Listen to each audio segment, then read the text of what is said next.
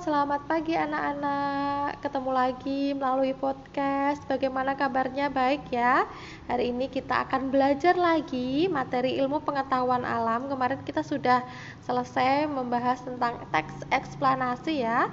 Hari ini kita masuk ke IPA, kompetensi dasar 3.6 Nah, yaitu menerapkan konsep perpindahan kalor dalam kehidupan sehari-hari dan juga keterampilan dengan kompetensi dasar 4.6 yakni melaporkan hasil pengamatan tentang perpindahan kalor. Nah, hari ini ternyata ada tes keterampilan juga. Bagaimana serunya nanti? Nah, gak sabar ya. Sebelum dimulai, mari kita berdoa supaya pembelajaran pada hari ini berjalan dengan lancar dan memberikan manfaat bagi kita semua. Menurut agama dan kepercayaan kita masing-masing, berdoa dimulai.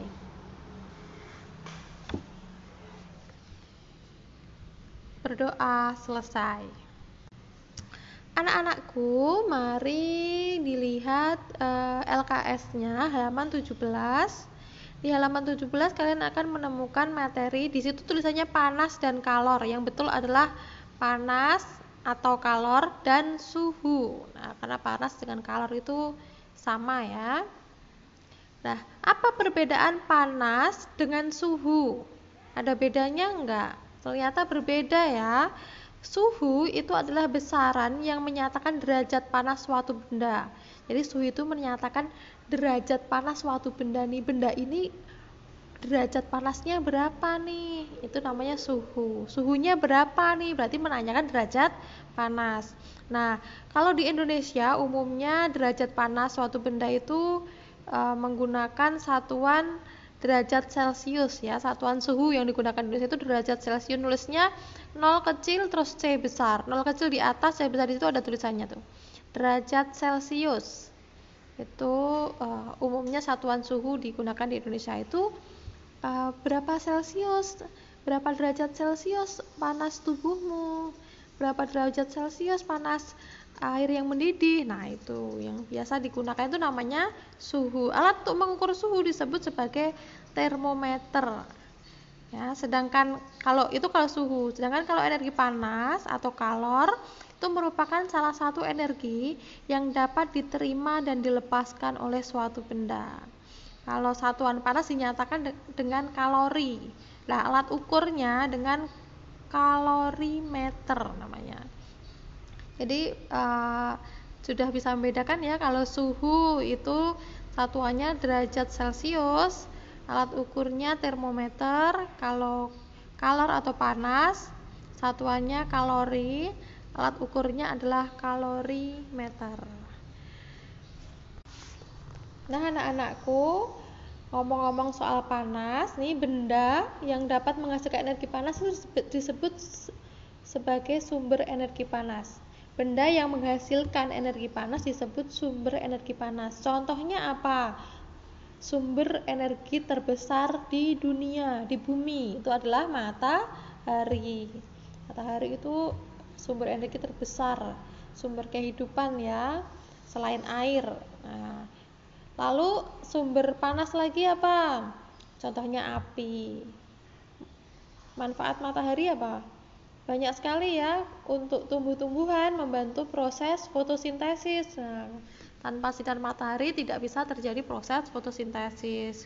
Bagi manusia fungsinya apa matahari ya? Banyak sekali untuk menjemur pakaian, untuk mengeringkan ikan, untuk membuat garam dan lain-lain ya banyak sekali fungsi dari panas matahari. Nah, zaman dahulu anak-anak nenek moyang kita itu untuk mendapatkan energi panas itu melakukannya menciptakannya dengan uh, menggosok-gosokkan dua buah batu yang kering sampai keluar percikan api. Nah, lalu api bisa digunakan untuk memasak. Kalau zaman sekarang masih pakai batu nggak kalian kalau mau menyalakan api? Iya tidak, sekarang sudah modern, sudah ada kompor gas, sudah ada kompor listrik dan masih banyak lagi. Kita bersyukur ya sekarang kita hidupnya di era modern jadi nggak perlu Eh, susah-susah untuk mendapatkan sumber energi panas. begitu juga dengan alat ukur suhu tadi untuk mengukur suhu tadi di, disebut apa alat untuk mengukur suhu tadi untuk mengukur suhu itu alat ukur alatnya itu disebut termometer. Nah termometer ini ada sejarahnya. Lihat di paragraf ketiga dari paragraf terakhir. Berarti paragraf 1, 2, 3, 4, 5 di bawah gambar itu ada gambar termometer ya. Sejarahnya itu panjang. Nah termometer pertama kali itu dibuat pada tahun 1592 oleh seorang ilmuwan Italia bernama Galileo Galilei yang menggunakan udara dan air. Nih Galileo Galilei itu di, dipanggil juga sebagai bapak ilmu pengetahuan karena penemuan-penemuannya yang sampai sekarang itu masih dikembangkan, masih dimanfaatkan, sangat luar biasa cerdasnya ya. Lalu pada tahun 1714 ilmuwan Jerman bernama Daniel Gabriel Fahrenheit membuat termometer yang berisi air raksa. Lalu dikembangkan lagi pada tahun 1742, ilmuwan Swedia bernama Andreas Celsius menemukan termometer yang menggunakan skala ukuran 100. Nah, di Indonesia sendiri termometer yang banyak digunakan itu adalah termometer yang e, menggunakan satuan Celcius ya dengan ukuran 0 hingga 100. Pada awalnya termometer menggunakan air yang menggunakan suhu benda seperti yang dilakukan oleh Galileo Galilei, tapi sekarang sudah berkembang dan bentuknya juga semakin sederhana, kecil gitu ya. Ya, biasanya termometer digunakan waktu misalkan kalian nih panas badannya, lalu termometernya didekatkan dengan tubuh kita untuk mengukur nih berapa suhunya badan kita waktu panas. Hmm, lalu uh, minum obat, lalu setelah bangun tidur diukur lagi, oh ternyata panasnya sudah turun. Nah, termometer itu manfaatnya banyak sekali ya selain untuk mengukur suhu tubuh juga ada fungsi-fungsi termometer yang lain nah secara umum termometer itu uh, termometer untuk zat atau benda cair terbuat dari pipa kaca yang diisi dengan zat-zat cair nah, nanti kita akan praktik membuat termometer ya membuat termometer sederhana biar kita tahu prinsip kerja termometer itu seperti apa Nanti Bu Dewi jelaskan bagaimana kita prakteknya. Nah, eh, cairan yang ada di dalam termometer itu bukan sembarangan eh, zat cair ya, melainkan berupa cairan air raksa ya maupun cairan alkohol. Nah, anak-anakku, eh, seiring perkembangan zaman sekarang ini termometer ada empat jenis skala ukuran ya, yaitu Celcius, Reaumur, Fahrenheit dan juga Kelvin. Di bawah ini ada uh, bagan, ada tabel ya uh, dengan macam-macam termometer. Kalau termometer Celcius yang menemukan Andreas Celsius, Reaumur itu yang menemukan adalah penemunya namanya Reaumur itu. Fahrenheit juga Gabriel D. Fahrenheit. Lalu Kelvin itu adalah Lord Kelvin. Titik titik tetapnya titik bawahnya 0, lalu titik atasnya 100 untuk Celcius yaitu yang ini yang digunakan di Indonesia ya rata-rata kita menggunakan satuan Celcius untuk mengukur skala nah itu untuk pengetahuan di bawahnya kalian akan menemukan materi tentang uji coba prinsip kerja termometer. Lah untuk uji coba prinsip kerja termometer ini nanti tugas kalian adalah membuat uh, peragaan seperti di bagan itu Sebude kasih waktu empat hari ya. Empat hari berarti sampai hari apa? Ini hari Selasa Rabu Kamis Jumat Sabtu. Berarti Senin deh Senin harus sudah selesai. Nanti Senin harus sudah kirim link ke Bu Dewi. Nanti kalian laksanakan uji coba itu. Nanti Bu Dewi jelaskan di podcast yang berbeda setelah ini. Nanti Bu Dewi juga kirim juga contoh video uh, apa video contoh melakukan uji coba ini di grup. Setelah itu nanti kalian uji coba kalian videokan lalu kalian upload di YouTube di upload di YouTube. Jangan kirim video ke Bu Dewi ya. Di upload ke YouTube. Setelah di upload ke YouTube yang dikirim ke Bu Dewi itu linknya. Link YouTube-nya dikirim ke Bu Dewi bukan videonya. Kalau videonya dikirim Bu Dewi HP-nya Bu Dewi nanti bisa penuh. Nah nggak bisa menilai lagi nanti bahaya. Oke lalu kita masuk ke halaman 19 di halaman 19 ada uh, percobaan B. Nih kita bahas kita percobaan B dalam sehari-hari tentu pernah merebus air. Nah, di situ ada dua panci ya. Ada panci A, ada panci B. Panci A dan panci B itu besar panci mana? Besar panci A. Ya benar. Jika panci A dan panci B itu dimasak dengan waktu yang sama, dengan besar api yang sama, kira-kira cepat mendidih yang mana? Yang panci A atau yang panci B? Yang mana nih? Menurut kalian yang panci A atau yang panci B cepat mendidihnya? Panci A itu airnya banyak, pancinya besar, sedangkan panci B airnya sedikit dan pancinya kecil. Yang mana ya yang cepat mendidih? Nah, ukuran panci itu berbeda ya. Panci A lebih besar dari panci B. Panci A yang digunakan untuk uh, mengisi air lebih banyak.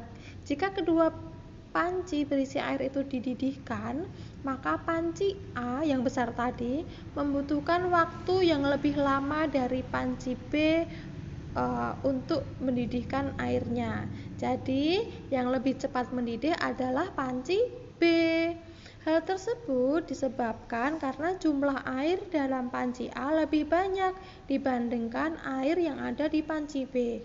Hubungan antara energi panas yang dibutuhkan untuk mendidihkan air di dalam panci dengan suhu air di dalamnya bahwa air mendidih pada suhu 100 derajat Celcius. Semakin banyak jumlah air, berarti semakin banyak energi panas yang dibutuhkan untuk mendidihkannya.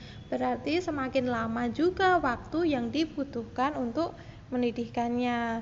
Jadi kesimpulannya adalah panci B dengan air yang sedikit lebih cepat mendidih daripada panci A dengan jumlah air yang banyak. Gitu ya. Nah, sekarang nih ada contoh kegiatan sehari-hari yang menggunakan energi panas. Contohnya nih di halaman 20, menyetrika baju, menjemur pakaian, memasak air di atas kompor, mengeringkan rambut menggunakan hair dryer. Habis keramas rambutnya dikeringkan pakai hair dryer. Semua itu adalah contoh kegiatan yang menggunakan energi panas. Nah, sekarang kita pelajari tentang perubahan akibat perubahan suhu ya. Contoh-contoh akibat perubahan suhu. Suhu itu menunjukkan derajat panas suatu benda. Semakin tinggi suhu suatu benda, maka semakin panas benda tersebut. Suhu juga menunjukkan energi yang dimiliki oleh suatu benda. Energi panas dapat mengubah benda, beberapa benda akan mengalami pemuaian.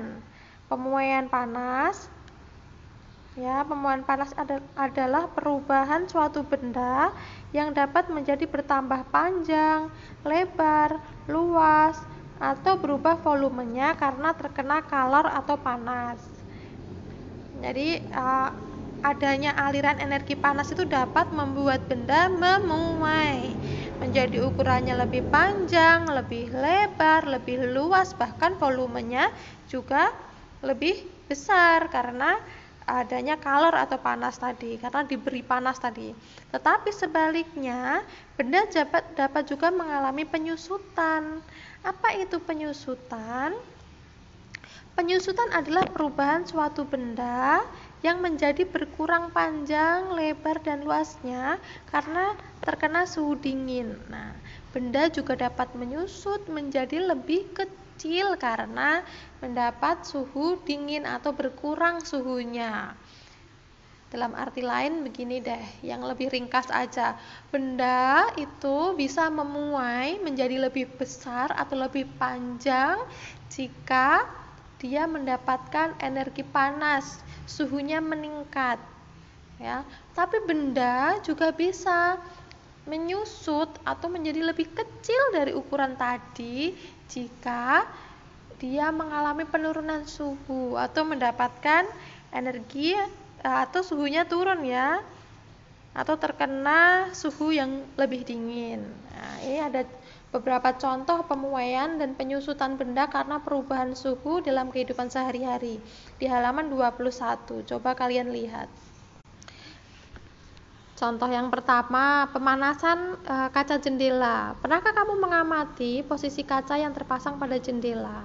Jadi e, kalau memasang jendela itu Pak tukang gitu selalu e, apa figuranya atau apa namanya ya? Bingkai. Nah, bingkai jendelanya itu dibuat sedikit lebih lebar dari ukuran sebenarnya. Ad, ada jaraknya gitu. Mengapa harus begitu? Karena saat uh, saat terkena panas atau saat musim panas ya kaca itu bisa memuai nah kalau tidak diberi ruangan maka kaca itu retak ya bisa pecah saat dia terkena panas lalu dia ukurannya lebih menjadi lebih uh, lebar atau ukurannya menjadi lebih besar jadi diberi ruangan sedikit nanti kalau dia memuai dia kacanya tidak akan retak Nah, ternyata selain benda padat, benda gas ya, udara itu juga dapat memuai. Contohnya apa? Contohnya di contoh kedua nih ada ban sepeda motor atau mobil.